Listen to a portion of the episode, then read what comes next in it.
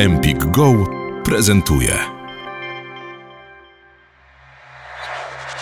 Zobaczysz, któregoś dnia nakręcał o mnie film. Jestem wyjątkowy i będę popularny.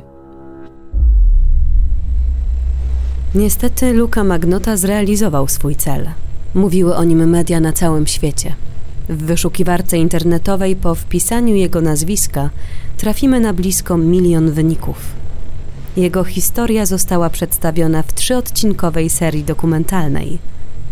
Spełnił marzenie, dokonując potwornych zbrodni, nie zważając na konsekwencje.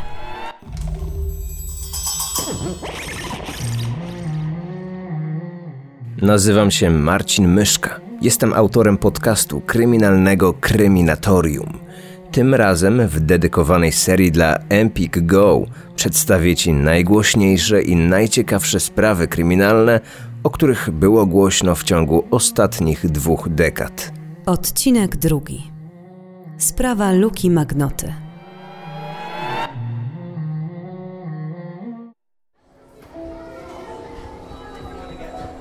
Luka Magnota na swoją ofiarę czekał w McDonaldzie. 30-letni Kanadyjczyk był cierpliwy i opanowany. Dokładnie tak, jak to sobie zaplanował. Ten poniedziałkowy wieczór w Montrealu 24 maja 2012 roku miał się stać punktem zwrotnym w jego karierze internetowego celebryty. I z hukiem wprowadzić go na nowy, wyższy poziom gwiazdorstwa. Do tej pory był jednym z najbardziej znienawidzonych ludzi w Kanadzie, a może i w całej Ameryce Północnej. Nowojorska Liga Obrony Praw Zwierząt wyznaczyła nawet nagrodę w wysokości 5 tysięcy dolarów za doprowadzenie do jego aresztowania. Magnota był poszukiwany przez policję w związku z opublikowaniem przez niego w internecie kilku filmów, na których torturował i zabijał koty. Choć z nieukrywaną dumą czytał o sobie w gazetach, uważał, że stać go na więcej i postanowił tego dowieść, bez względu na konsekwencje. John Lin spóźnił się na spotkanie z Magnotą kilka minut. Pochodzący z chińskiego Wuhan mężczyzna czuł się w Kanadzie bardzo samotny. Xin Zen, jeden z jego nielicznych przyjaciół, opisał go jako osobę sympatyczną, ale i nieśmiałą. Kazał na siebie mówić Justin Villain. Jego życiowym celem było znalezienie wielkiej miłości. Miły, wrażliwy, uroczy i naprawdę wyjątkowy. Był dumny, że jest gejem, co jest dość rzadkie u Chińczyków. Raczej samotny i przybity tym, że mając 33 lata, był najstarszym studentem swojej grupie na Uniwersytecie Concordia. Inni studenci nazywali go wujkiem, co bardzo mu się nie podobało.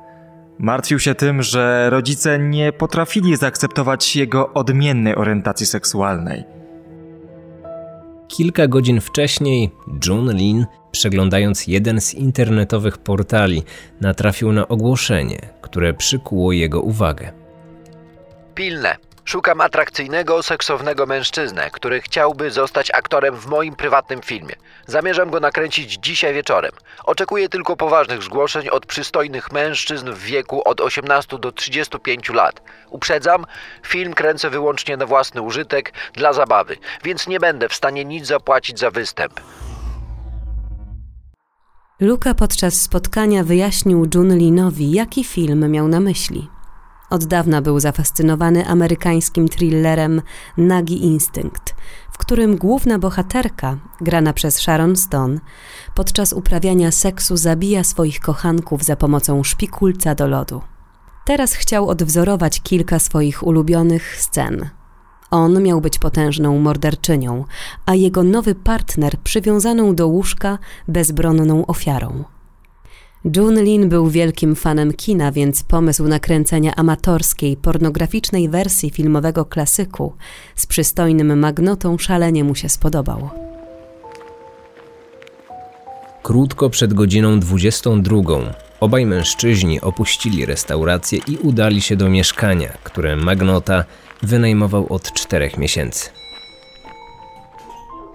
Dla Junelina miał to być wieczór, a może i noc dobrej zabawy i nowych doświadczeń. Dla Luki Magnoty przepustka do międzynarodowej sławy. Wszystko zaplanował w najdrobniejszych szczegółach. Droga do wymarzonej sławy była dla niego niezwykle wyboista. Gdy w roku 1982 przyszedł na świat jako Eric Clinton Kirk Newman, jego rodzice sami byli jeszcze nastolatkami. Nie potrafili zająć się ani chłopcem, ani dwójką jego młodszego rodzeństwa. Ciągłe przeprowadzki i kłopoty finansowe sprawiły, że Newmanowie coraz częściej zaglądali do kieliszka. Dodatkowo matka chłopca zaczęła zdradzać oznaki obsesji na punkcie wszechobecnych dookoła zarazków. Nawet po domu chodziła w maseczce i gumowych rękawiczkach. Dzieci zmuszane były do ciągłego mycia rąk. Gdy kobieta uznała, że nie zmyły z siebie wszystkich bakterii, karała je biciem i przywiązywaniem do krzeseł. Do siódmego roku życia Erik moczył łóżko, przez co zmuszony był przez matkę do noszenia pieluch. Jako, że szkoła była siedliskiem zarazków, chłopiec uczył się w domu. Z tego powodu nie rozwijał się tak jak jego rówieśnicy, o czym pisali reporterzy w Montreal Gazette, powołując się na 124-stronnicowy raport psychiatry, który badał Magnotę. Eryk został wysłany do szkoły dopiero w szóstej klasie. Nowa sytuacja go przerosła. Czuł się zagubiony i bezradny.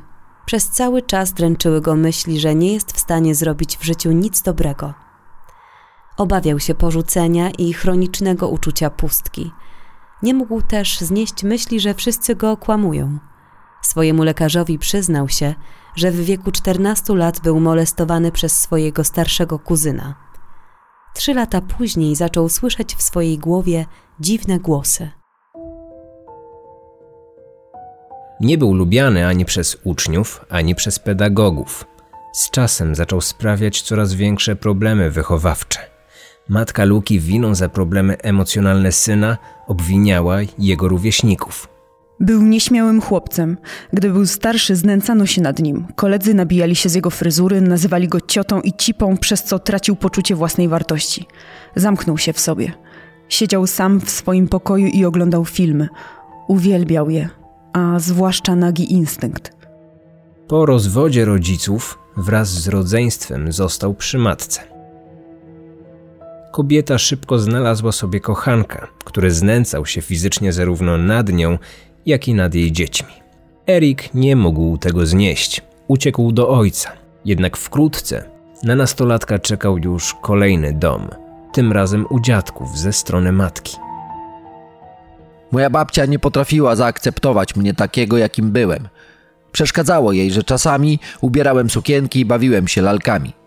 Tłumaczyłem, że niekiedy czuję się jak dziewczyna. Nie podobało jej się to. Śmiała się ze mnie i nazywała chorym pedałem. To właśnie ona zrujnowała moją psychikę najbardziej. Niezadowolony ze swojego życia, zaczął uciekać w świat fantazji. Wyobrażał sobie, że jest przez wszystkich podziwiany i szanowany. Gdy zdiagnozowano u niego schizofrenię, jego wyimaginowany świat zaczął mu się mieszać z tym realnym.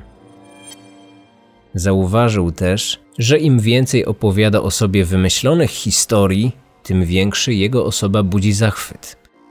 I coraz częściej wierzył we własne kłamstwa. Jego marzenia przybrały na sile. Zapragnął być celebrytą, jakich często oglądał w przeróżnych programach typu reality show.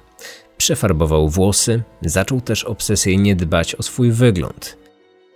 Właśnie wtedy postanowił, że nic go już nie powstrzyma w zdobyciu sławy, jakiejkolwiek i za wszelką cenę.